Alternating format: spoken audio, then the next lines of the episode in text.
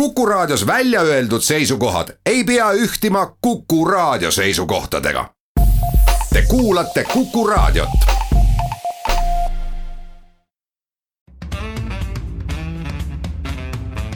muuli ja Riikoja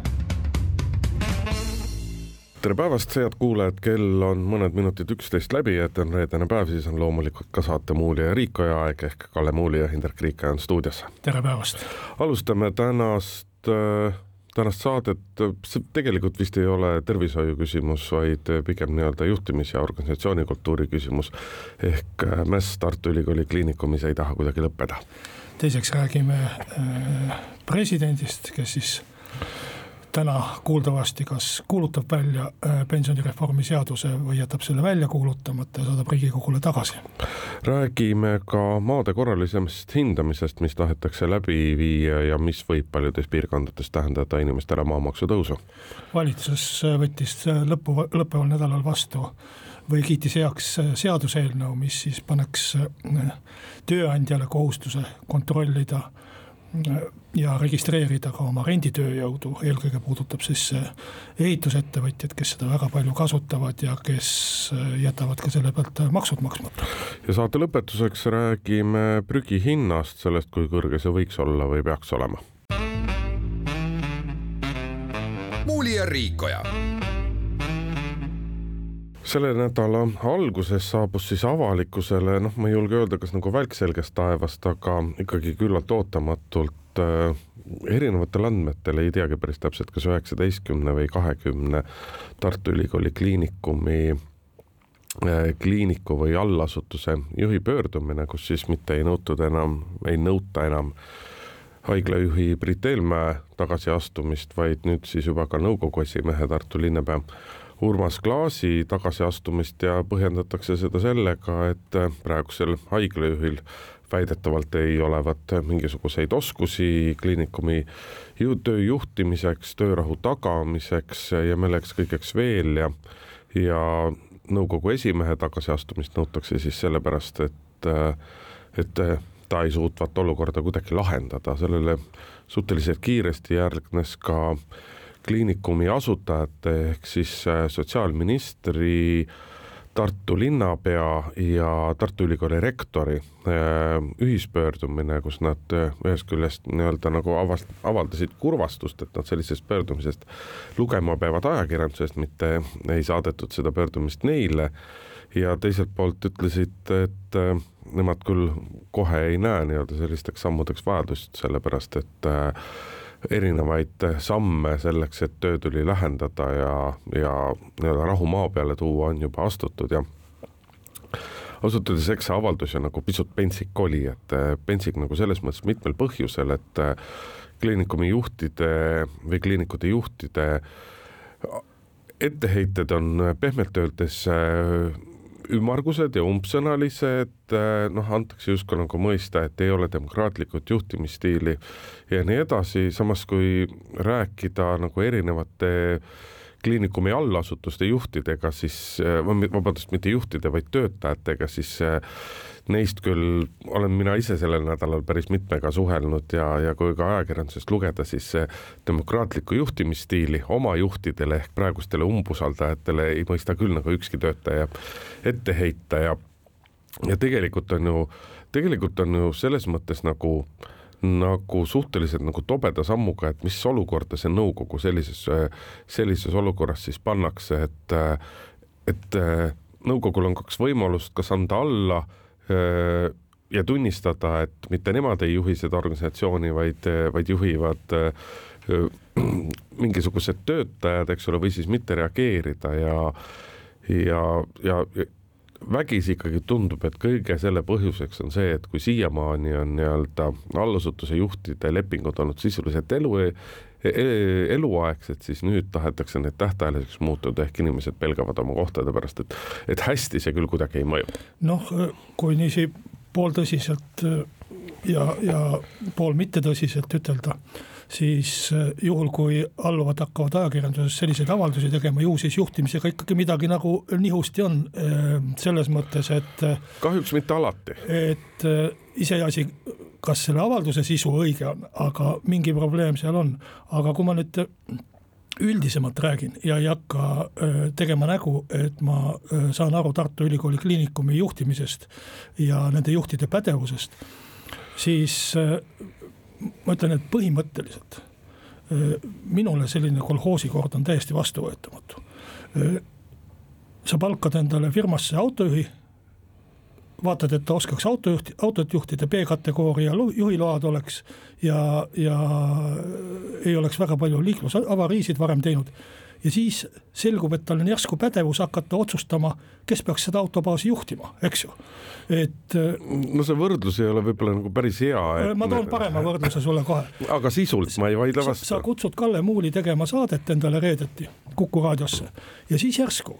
äh, avastad, et Kalle Muuli hakkab Margus Linnamäele rääkima, et see Indrek Riikoja üldse ei sobi seda Kukut juhtima, ta on täiesti ebapädev. et äh, tegelikult äh, mu meelest õigusriigis võiks olla nii ja see ei kõla nüüd populaarse ütlemisena, et väljaspool poliitikat ja väljaspool avalikke ülesandeid peaks ikka iga kingsepp jääma oma liistude juurde, et põhimõtteliselt tööandja ju otsustab nende asjade üle. et me tõesti näeme poliitikas, kus äh, riigikogu liikmed aeg-ajalt kogunevad ja äh, üritavad teha umbusaldusavaldust ühele ministrile või, või tervele valitsusele. aga sealt äh, on küll jäänud ilmselt siis väär mulje, et riigikogu justkui alluks valitsusele, riigikogu on tegelikult valitsuse tööandja. ja see, mida ta teeb, on ka, on ka tööandja loogika seisukohast vastuvõetav. aga millegipärast ma ei tea, kas see on mingi ajastu haigus või mis vaim see on, et me näeme väga palju, väga mitmetes majandusharudes sellist asja tulevad õpetajad kokku ja ütlevad, et äh, on meile määratud vale koolidirektor. Äh, tulevad ajakirjanikud kokku, noh, kasvõi selles samas kontsernis, milles me praegu saadet teeme ja ütlevad, et meile on määratud vale peatoimetaja. et inimesed, kes tegelikult ei ole pandud neid asju otsustama ja kelles, kellel minu meelest ei ole ka informatsiooni ja pädevust nende asjade otsustamiseks. hakkavad äh, järsku langetama otsuseid, milline peaks olema nende juht või, või see, kes siis vastutab tööandja ees eelarve täitmise eest, vastutab selle ettevõtte toimimise eest ja nii edasi. et ma saan aru, et paljudel juhtudel need protestid on õigustatud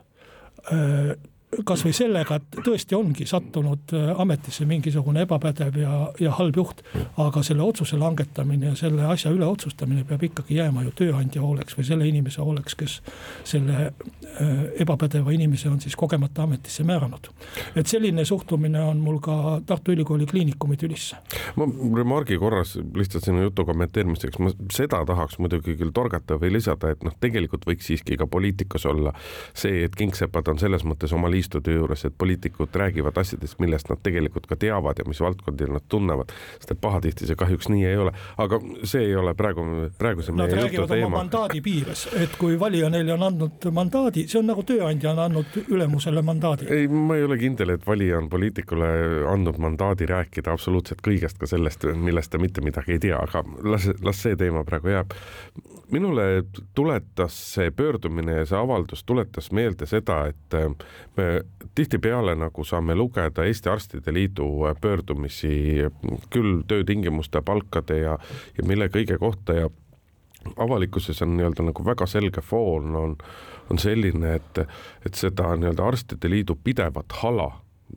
võetakse suhteliselt nagu vähetõsiselt ja seda ei suuda, seda ei suudeta mõista. seevastu, kui näiteks õdede liit esineb ja, ja millestki räägib, siis see on kuidagi, kõik jutt on nagu mõistlik, saad aru ja tekib niisugune suhestumine. aga see asi ongi selles, et, et ega arstid on ju nii-öelda oma kutsetöös harjunud sellega, et seal demokraatiat ei ole. arst otsustab, arst valib ja nii, kuidas arst ütleb, nii kõik tema all nagu teevad. ja see on täiesti loomulik ja see ravimises peabki nii olema ja kui arst jääb kimpu, siis tal on oma nõuandvad komisjonid, kus ta saab nagu abi paluda, aga tema otsustab lõpuks ja, ja, ja tema vastutab. aga see ei saa nii-öelda nagu üle kanduda sellisesse asja nagu juhtimine ja nii edasi. et noh, ma ütlen veelkord, et samamoodi nagu needsamad allasutuste juhid, nagu suur osa nendest ei viljele oma allasutustest demokraatlikku juhtimist, et nad ei saa seda niimoodi ikkagi ülespoole, ülespoole ülespoole liigutada ja, ja, ja minu jaoks on nagu märgiliselt väga selgelt väga tähtis see, et, äh, et, et seal vastajate seas oli ka ülikooli rektor, kes ühest küljest on ülikooli kliinikumi asutaja või asutaja esindaja ja teisest küljest rektorina, kuna paljud need, need keskastme juhid, kes nüüd umbusaldust tahavad avaldada, on ju ka ülikoolis professorid, õppejõud ja nii edasi, et, et on ka sedapidi nende ülemus. et, et, et kui rektor ka juba nii-öelda ei näe põhjust kuidagi toetavat sõna lausuda, siis on see ikkagi märk sellest, et, et pingutatakse üle ja, ja, ja võiks tegeleda pigem sellega, milleks on nemad ametisse pandud ja võiks leppida sellega, et ajad muutuvad ja samamoodi muutuvad ka nende, nende töölepingu tingimused, tähtajad ja, ja see on ju tõepoolest loomulik, et Eesti on nii väike riik, et see, et, et sul peab olema nii suures haiglas nagu ülikooli kliinikum, seal peab olema mingisugune mõistlik karjäärimudel ja kõik see, et, et kaldpoolt võimekatel inimestel on võimalus liikuda ülespoole, mitte ei ole niimoodi, et neljakümne aasta inimene saab ühe üksuse juhi juhiks ja siis ta on seal kuni pensionini ja natuke pärast sedagi. ehk sihuke kakskümmend, kolmkümmend aastat, nii kaua kellelgi teisel ei ole võimalust mitte kuhugile tõusta, et see ei ole nagu mõistlik asjakorraldus. no selge on see, et alati, kui sa teed muudatusi ja eriti, kui need muudatused puudutavad kellegi töökohtade kaotust või, või võimalust, et tulevikus midagi sellist juhtub selge see, et äh, need inimesed, keda see puudutavad, on selle vastu. Need inimesed ei kaota ja, ju tegelikult ja, tööd, ega nad tööta ei jää. ja, ja inimesed üleüldse on muudatuste vastu. et see on nagu äh, juba inimese loomuses ja kõige hullem oleks see, kui tegelikult oma olemuselt head muudatused, ma ei väida, et need on head või halvad, ma ei tea seda. aga, aga kui nad on ja kui juhtkond on veendunud, jäetakse tegemata sellepärast, et lihtsalt need inimesed, keda see puudutab, äh, protestivad, et ma saan aru, kui need jäetakse tegemata sellepärast, et leitakse konsulteerimiste või, või arutamiste käigus, et need muudatused ei ole õigustatud või on kehvad. et see põhjus võiks olla aktsepteeritav, aga see, et, et lihtsalt üks või kaks töötajat või, või ka kakskümmend, nagu sa ütlesid, on rahulolematud, et see minu meelest ei ole veel argument. muuli ja Riikoja jätkame saadet stuudios Indrek Riikoja, Kalle Muuli president on siis lõppeval nädalal teinud hulga kohtumisi. viimane vist äh, pensionireformi teemal äh, oli valitsuse liikmetega või õigemini siis kolme valitsuse liikmega. peaministri, rahandusministri ja justiitsministriga arutamaks siis neid õiguslikke märkusi, mida on teinud ennekõike õiguskantsler, aga aga ka mõned advokaadibürood ja avalikkus. et äh, nüüd on siis kaalumisel, kas äh, kuulutatakse seadus kohe välja, mida ma pean vähetõenäolisemaks või äh, läheb ta nii-öelda uuele aruteluringile, kus siis riigikogu vaatab veel üksikuid presidendi poolt nii-öelda protestitud või vaidlustatud sätteid või põhiseadusevastaseks kuulutatud sätteid ja, ja võib-olla jätkub siis vaidlus ka kunagi Riigikohtus. Et selline perspektiiv, milleks tegelikult ju valitsusliit ja, ja pensionireformi vastuvõtjad on pikalt valmistunud. no kutse selle kohta, et ajakirjanikud Kadri, Kadriorgu võiksid tulla ja president oma otsuse teatavaks teeb, on on juba ajakirjanike postkastidesse potsatanud, et eks me pärastlõunal oleme siis täpsemad, aga noh, tõenäoliselt me võime välistada võimaluse, et president selle seaduse välja kuulutab, et seda suure tõenäosusega ei juhtu ja väga suure tõenäosusega ei juhtu ka seda, et president jätab seaduse välja kuulutamata nii-öelda poliitilistel põhjustel, kuna ta põhjusel teisel või kolmandal nii-öelda ei pea seda lihtsalt mõistlikuks, et küllap ta arvestades neid, noh, seda ikkagi väga suurt hulka analüüse, mis on, mis on selle reformi kohta valminud, et naljatledes võib öelda ju, et ei ole ühtegi tõsiseltvõetavat instantsi või advokaadibürood, kes ei oleks oma analüüsi teinud, et võib-olla kõik ei ole seda lihtsalt avalikuks teinud, analüüsi ja, ja eks seal neid ports küsi-, küsitavaid punkte on ja ja, ja mina julgen küll ennustada, et, et presidendi peamine argument ongi just see, et, et kuna öö, kuna neid erinevaid arvamusi, erinevaid kahtlusi on nii palju õhus, siis on mõistlik, kui Riigikohus, kuna noh, me võime samamoodi ennustada seda, et Riigikogu ei hakka muutma midagi presidendi ettepanekute pärast, et siis presidendi seisukohalt ongi mõistlik, kui Riigikohus sellele oma hinnangu annab, sellepärast et kui ka president ei lähe nüüd sellega Riigikohtusse või ei saada seda Riigikohtusse, siis suure tõenäosusega mingisugune osapool, on see siis mõni fond, mõni, ma ei tea, pensionikogujate ühendus või keegi seda ikkagi teeb, et lõpuks ta ikkagi Riigikohtusse see põhiseaduse küsimus jõuab, ei saa ju välistada ka, et õiguskantsler Riigikohtu poole pöördub, temalgi on see võimalus olemas. et, et lõpuks ta nagunii jõuab, et selles mõttes õigusselguse seisukohast on see igal juhul mõistlik, noh minul endal jääb hinge pisut muidugi kriipima, sest et ma olen jätkuvalt seda meelt, et, et, et tegelikult seda reformi ei ole vaja ja, ja neid eesmärke, millest valitsusliidus poliitikud palju räägivad, et ega neid eesmärke tegelikult see sealt muudatust täitma ei hakka ja tulevikus see toob riigile tegelikult kasu asemel pigem suuremaid probleeme. no ma olen korra juba ütelnud ja öö, ütlen seda veel kord, et pikas perspektiivis võib-olla oleks parem, kui Riigikohus oma sõna ütleks, et siis ei jääks õhku kellelgi sellist praegu eriti sotsialis-, sotside poolt levitatavat juttu, et noh, see kõik on põhiseadusega vastuolus ja nii edasi. et võtsid vastu jõuga mingi seaduse vaidleme läbi, kui on vaja, aga ma sinuga päris seda ühte meelt ei ole, et, et sada protsenti. Äh, ei, ma tean, me oleme ju vaielnud sellel teemal palju. sa ei tea midagi, sa ei tea, mida ma tahtsin ütelda. Äh, ma, et seda, et president äh, selle kindlasti välja ei kuuluta ja et Riigikogu kindlasti midagi ei muuda. kui seal on mingisugune asi, mida, milles Riigikogu kahtleb, et võib Riigikohtus minna teistpidi, siis Riigikogus ei ole mingi kunst seda muuta, sest vaieldakse ainult ühe või kahe sätte üle ja seda ühte või kahte sätet on Riigikogul täiesti võimalik muuta ja seda ka tehakse. no tõenäoliselt need sätted, ma julgen ennustada, on siiski nagu mõni rohkem ju,. juba, juba enne eelnõu vastuvõtmist ju eelnõus muudeti neid sel põhjusel, et arvati, et Riigikohtus see ehk tekitab probleeme, aga mis ma tahan ütelda kindlasti tänase presidendi otsuse kohta, sõltumata sellest, milline see on, et ajakirjanduse ülesanne on alati ütelda ka tausta ja inimeste seadusi. Ja selles mõttes ma ütlen väga selgelt välja, et omal ajal selle praeguse seaduse, mida nüüd muuta tahetakse suhteliselt oluliselt, ettevalmistaja, üks põhilisi ettevalmistaja töörühmas, kuhu kuulus üldse üks neli või viis inimest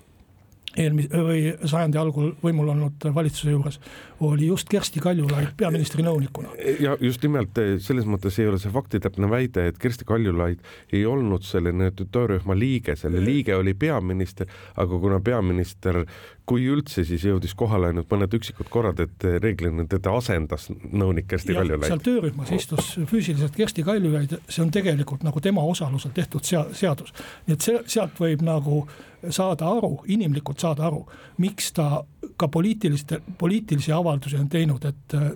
tema on igal juhul selle seaduse vastu. et samamoodi sama.... no ta ei ole teinud siiski avaldusi, et ta on igal juhul seaduse vastu, aga noh, see põhjus on pigem selles, et ta tunneb korda lihtsalt ta nagu väga hästi juba... ja kahjuks tõenäoliselt paremini kui suur osa koalitsioonipoliitikud, kes selle poolt praegu on hääletanud. Neid avaldusi juba suvel, kui ei olnud eelnõudki olemas, mille vastu olla aga, aga noh, samamoodi oli seal töörühmas ka Eesti Panga president äh, Madis Müller,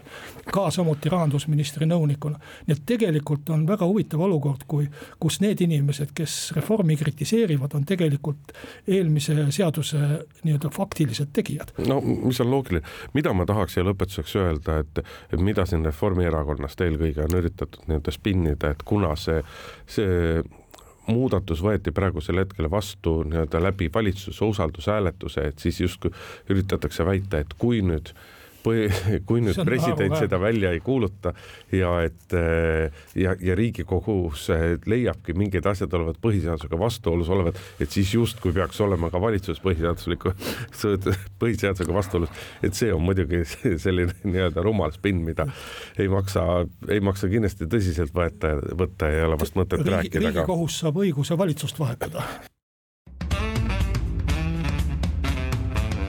muuli ja Riikoja tere tulemast tagasi, head kuulajad. Muuli ja Riikoja läheb edasi, Kalle Muuli, Indrek Riikoja on jätkuvalt eetris ja räägime maade hindamisest. on tulnud äh, riigihaldusminister Jaak Aab, sain ma nüüd korrektselt öeldud selle ametinimetuse? ma loodan. ma loodan ka, aga ütleme siis niimoodi, et Jaak Aab on, on hakanud taas rääkima sellest, et kuna viimane maade korraline hindamine jääb selle aastatuhande algusesse ehk siis enne rohkem kui viieteist aasta taha, siis oleks meil tarvis uu, läbi viia uus korraline maade hindamine, kuna selle ajaga võrreldes, kes ütleb, et maahinnad on kasvanud viis korda, kes ütleb, et lausa seitse korda. ja miks on see oluline, see korraline maade hindamine, ta on oluline seetõttu, et teadupoolest maamaksu arvestatakse korralise maa hindamise tulemuse põhjal, on kehtestatud koefitsiendi vahemik, mille ulatuses siis saab otsustada kohalik omavalitsus, milline protsent peab olema maamaksu suuruseks ja ja sellest korralisest hindamisest väga paljudes kohtades oodatakse, et maamaks tõuseks äh, väga oluliselt see on selline kahe otsaga asi, et eh, kuigi valdav osa kohalike omavalitsuse juhte ei taha seda tunnistada, siis omavalitsustele on iseenesest see selles mõttes hea, et nii-öelda väikese tulubaasi üle on kõik ammu kurtnud, selle all kõik ägavad, et see on selline nii-öelda hea ja lihtne võimalus endale lisatulu teenida, aga seda seda tähelepanelikud peaksid olema valijad, eriti arvestades, et meil on jäänud järgmiste kohalike omavalitsuste valimiseni pisut üle pooleteist aasta, järgmise aasta sügisel need äh, toimumas on, et äh, et tuleb väga tõsiselt jälgida, mida teie vallapoliitikud teevad, kuidas nad otsustavad, sellepärast et suure tõenäosusega, kui tõesti see nii-öelda hinnamuutus on mõõdetava kuue või seitsme korraga, et siis mingisugune maamaksu hinnatõus kindlasti nagu tuleb, aga kui paljudes äh, omavalitsustes on tänasel hetkel juba see nii-öelda maksumäära protsent viidud äh, kõige kõrgemani, aga see on võimalik alla tuua ka kõige madalamale tasemele, et selles mõttes omavalitsusel ehk vallavolikogudel on väga suur osa selles, kui palju maamaksu inimesed tegelikult peavad äh, maksma ja suuresti on see nende otsustada, seda ei tohi unustada. ma tahaks rõhutada siin võib-olla ühte asja, mida, mida tavaliselt ei rõhutata et äh, me räägime Jaak Aab, me räägime Jüri Ratase valitsus ja nii edasi. tegelikult maa hindamine ei ole valitsuse suva, see on valitsuse kohustus seadusega pandud kohustus. ei, üldse ei vaidle vastu. ja seaduses on äh, öeldud, et valitsus peab, äh, ma nüüd ei tsiteeri väga täpselt, regulaarselt läbi viima maa hindamisi kahjuks või, või, või, või kurvastuseks ei ole seadusandja pannud kirja, mida ta selle regulaarsuse all mõtleb, kas ta mõtleb, et valitsus peab kord sajandis läbi viima maade hindamise ja regulaarselt igal sajandil? Või ta mõtleb seda, et äh, valitsus peab noh, ma ei tea, vähemalt äh, iga valimistsükli äh, jooksul selle läbi viima, ehk siis nelja aasta jooksul, et ma ise pigem kaldun seda seadust lugedes arvama, et seadusandja pidas silmas midagi, midagi mõistlikumat kui kord sajandis. aga igal juhul minu meelest Eesti valitsustel ei ole siin valikuid, see, mis on praegu toimunud, on jõhker seaduse rikkumine eelmiste valitsuste poolt. no ma ei tea, kas see seaduse rikkumine on. ma arvan, et ja ma imestan. aga seaduse mõtte rikkumine kindlasti. ma imestan, et ükski kohalik omavalitsus ei ole Äh, valitsust ja ühtegi valitsust kohtusse kaevanud, et maade hindamised on tegemata. et see on üks vaatepunkt, teine vaatepunkt on see, et minu koduerakond, Isamaa erakond on siin hästi ebamugavas olukorras. selles mõttes, et meie üks valimislubadusi oli, et me ei tõsta ühtegi maksumäära ja me ei kehtesta ühtegi uut maksu ja tõesti, ega maade hindamine ei ole ju äh, maksustamine ega maksu kehtestamine. ja äh, üleüldse maamaks on kohalik maks, mida, mille maksumäära noh, valitsus iseenesest ei saa muuta, see peab seadusandja siis juba tegema teistmoodi. ja, ja ka neid maksumäärasid ju tegelikult äh, väga suure tõenäosusega ei muudeta aga kui see maade hindamine ära teha ja need maksumäärad jäävad samaks, mis praegu on. no mitte maksumääri, vaid pigem siis räägime sellest vahemikust, sest et ma ei kujuta ja, ette, et ja, väga paljudes omavalitsustes. vähemalt ei tõsteta neid. just, on täna see ikkagi laes juba. Polegi kuskile tõsta. ja noh, keegi ei neela seda alla. aga igal juhul, kui see ära teha, siis rahvale, inimestele, valijatele, nendele maksumaksjatele jääb mulje ja, ja, ja sa võid seletada, kui palju tahes, et juriidiliselt see nii ei olnud, jääb mulje, et ikkagi väga jõhkralt tõsteti makse. ja, ja sellepärast noh, see on selline poliitiline vaatepunkt, aga ka sisuliselt. Ega see ei ole mingi õigustus või õigustus, et seitseteist aastat me nüüd ei ole seda maamaksu puudutanud või, või maa hinda puudutanud ja nüüd me hindame ära ja nüüd on kõik õiglane, et nii järsk hinnatõus hoolimata sellest, et see on tekkinud seaduserikkumise tulemusel. et nii järsk hinnatõus ei ole ka tegelikult maksumaksjatele kuidagi põhjendatud. et inimesed ei peaks sellist šokki üle elama, et nüüd kõik kerkib seitsmekordseks üleöö, sest vali-, eelmised valitsused on jätnud oma töö ära tegemata. nii et me peame otsima siin mingit mõistlikku kompromissi, mingit mõistlikku lahendust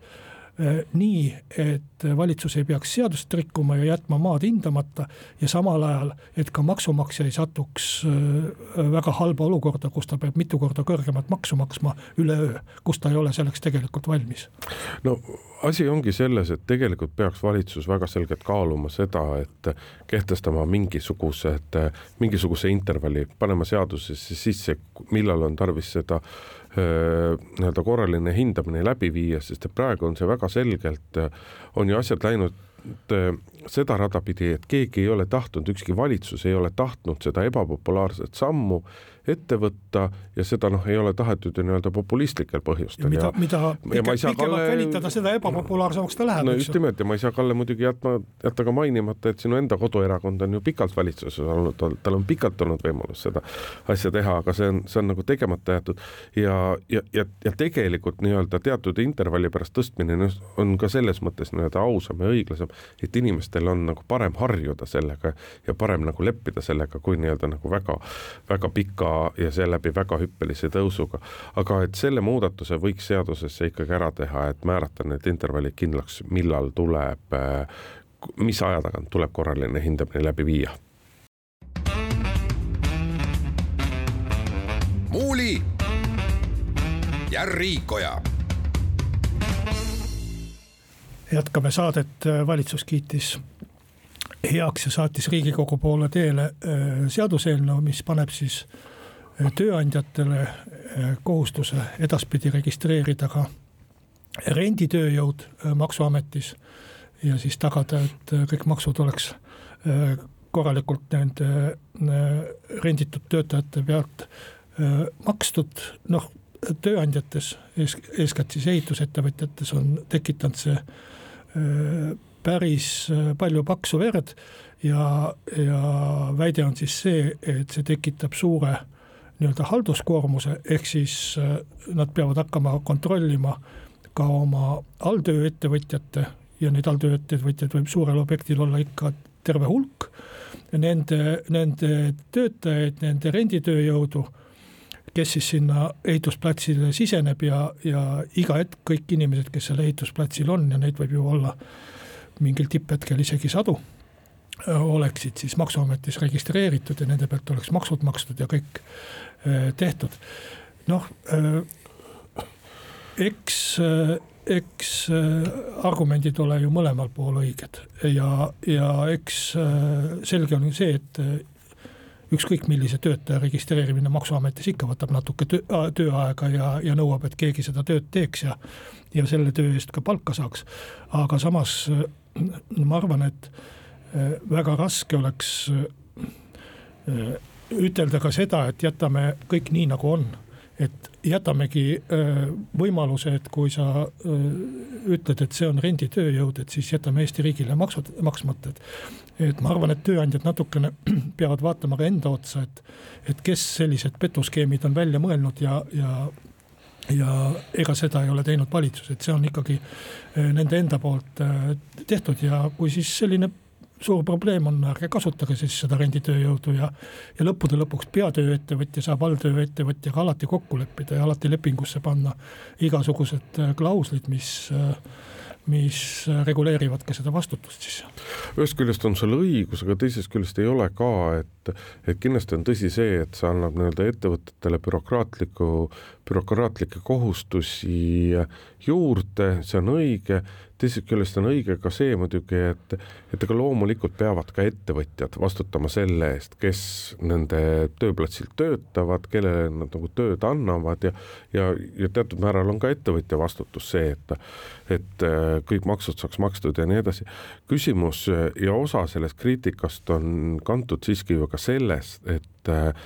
et teatud ulatuses need kohustused, mis ettevõtjatele äh, peale langevad, kui parlament ka selle muudatuse heaks kiidab, on sellised, mida on ühel ettevõtjal nagu väga raske kontrollida. Ja tal on väga raske sundida, noh, kui ta, kui ta võtab äh, põhjusel või teisel näituseks mingist tööjõu rendifirmast töötajad, siis tal on väga raske kontrollida ja tal on väga raske seda tööjõu rendifirmat sundida makse maksma. et, et noh, et, et need hoovad on ju nagu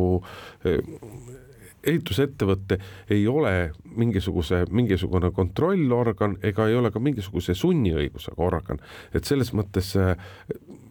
natukene on selle regulatsiooniga nagu minnakse üle piiril. aga äh, Indrek äh,, ega keegi ei kohusta ettevõtjat võtma rendiettevõttest äh, neid töötajaid. et see, see ei ole. keegi ei kohusta, elu kohustab, et seal ei ole midagi, seal ei ole midagi ongi, teha on,. ongi, ongi tingimused, et kui sa võtad sealt, siis on sul sellised tingimused ja kui sa võtad kodumaise tööjõu teatud äh, teistsuguste reeglite ja palkadega, siis sul on sellised tingimused. jaa, aga sa tead ju, Kalle, väga hästi, et äh, reaalsus on see, et kodumaalt ei ole kõiki neid inimesi nagu võtta, et, et see on nagu selline, et, et see, et see on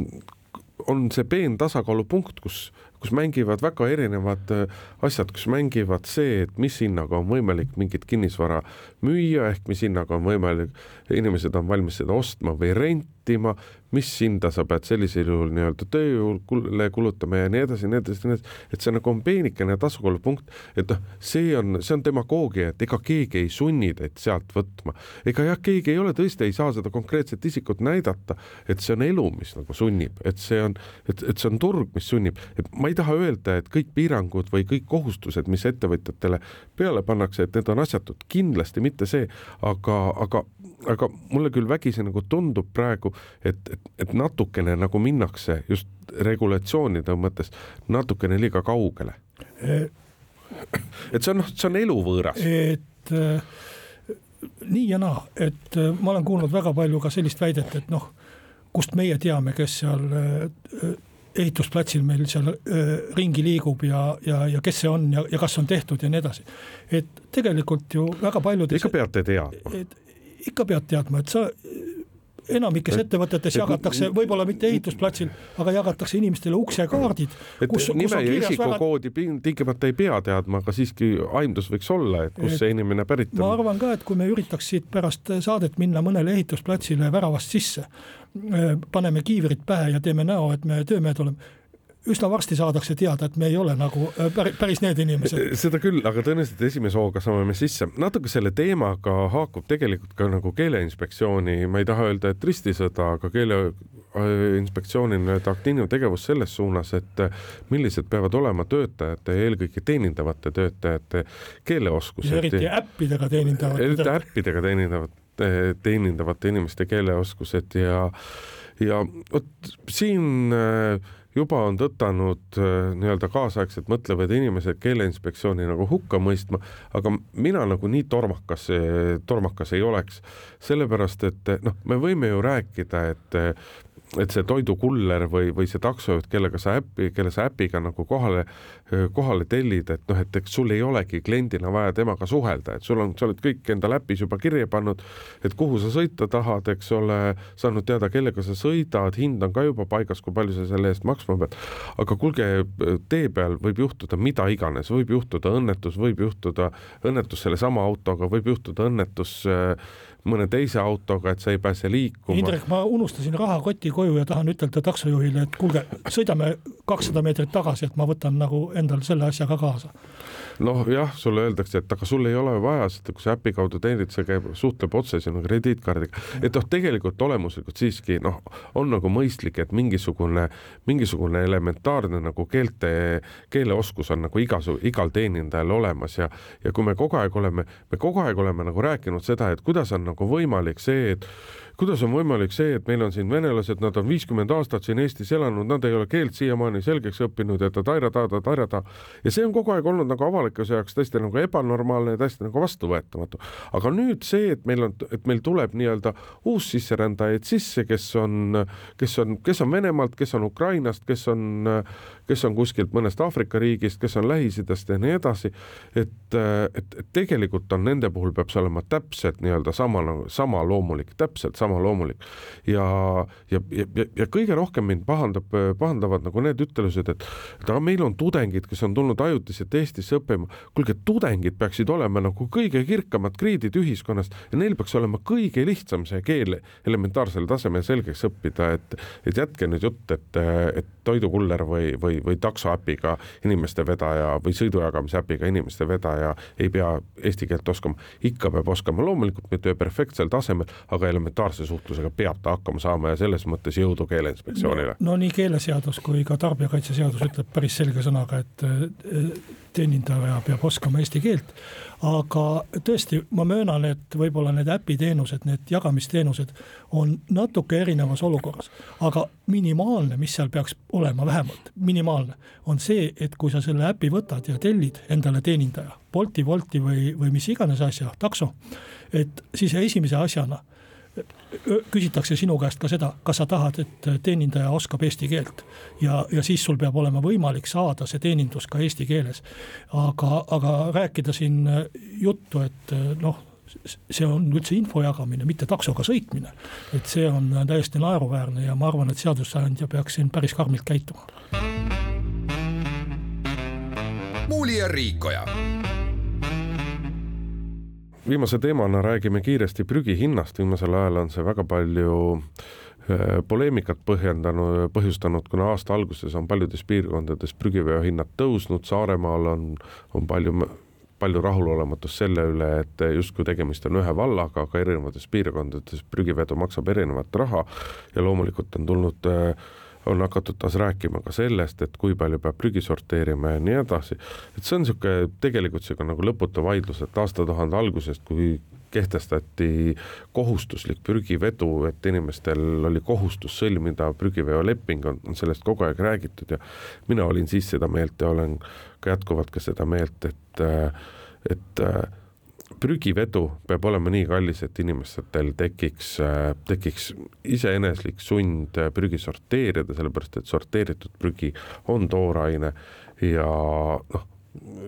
jabur, õnneks jääb seda kõigest järjest vähemaks, aga, aga see vana ütlus, et inimesed on piisavalt jõukad, et endale vana Eesti kroonides miljonite eest maju soetada, aga mitte prügikasti tellida endale. et seda jääb järjest vähemaks, aga seda ikkagi, ikkagi meil on veel meie metsa all vedeleb prügi ja, ja see, et eh, läbi hinna inimeste prügikäitlust püüakse reguleerida, püütakse reguleerida, on täiesti normaalne. no kui sa maja meenutasid, siis ma võin ütelda, et ma elan eramajas äh, ja minu prügiveo hind kuus keskmiselt tavaliselt on neli eurot ja kuuskümmend kaheksa senti, mul on see summa meelde jäänud, kuna ta püsib ühesugune muutumatu juba aastaid. aga äh, ja mina ütleks ka, et vot prügivedu on tänu on... reguleeritud prügiveole minu arust jälle, kui te olete teada, et tuleb uus vedaja, siis jälle see muutub soodsamaks. see on nüüd see kohutav summa, et äh, tegelikult on nii, et sõnades on kõik inimesed kõvad loos, looduskaitsjad ja, ja tahavad kohutavalt puhast keskkonda. aga kui on vaja natuke raha selle eest maksta ja ma ütlen, et looduskaitse ja puhas keskkond on väga kallis asi, palju kallim kui neli eurot ja kuuskümmend kaheksa senti et ja, ja kui on natukene vaja prügi sorteerida, et ma panen plastmassi ühte kotti ja paberi teise korvi, et siis on selline kisa ja selline, selline häda ja järgmisel hetkel ta tuleb plakatiga tänavale ja ütleb, et oi, Eestimaa peab olema puhas ja ärge lagastage ja, ja reostage. et äh, ma arvan, et, et prügihindadega tuleb äh, olla, päris palju seda meelt, et, et prügi maksab ja, ja maksab selle äravedu, aga maksab seega ka toorainena ja, ja seda tuleb reguleerida palju rohkem raha kaudu, kui seda seni on tehtud. Hirmus ettevaatlikult kogu aeg toimetame, talitame. väga lihtne on enda prügikulusid alla viia ja selleks on vähe, vaja vähem prügi tekitada, ongi kõik, vähem keskkond, keskkonda reostada. et, et liht, lihtne märk tegelikult. siinkohal tõmbame tänasele saatele joone alla, Kalle Muuli, Hindrek Riik olid stuudios, nädala pärast. Kuuleme jälle. Muuli ja Riikoja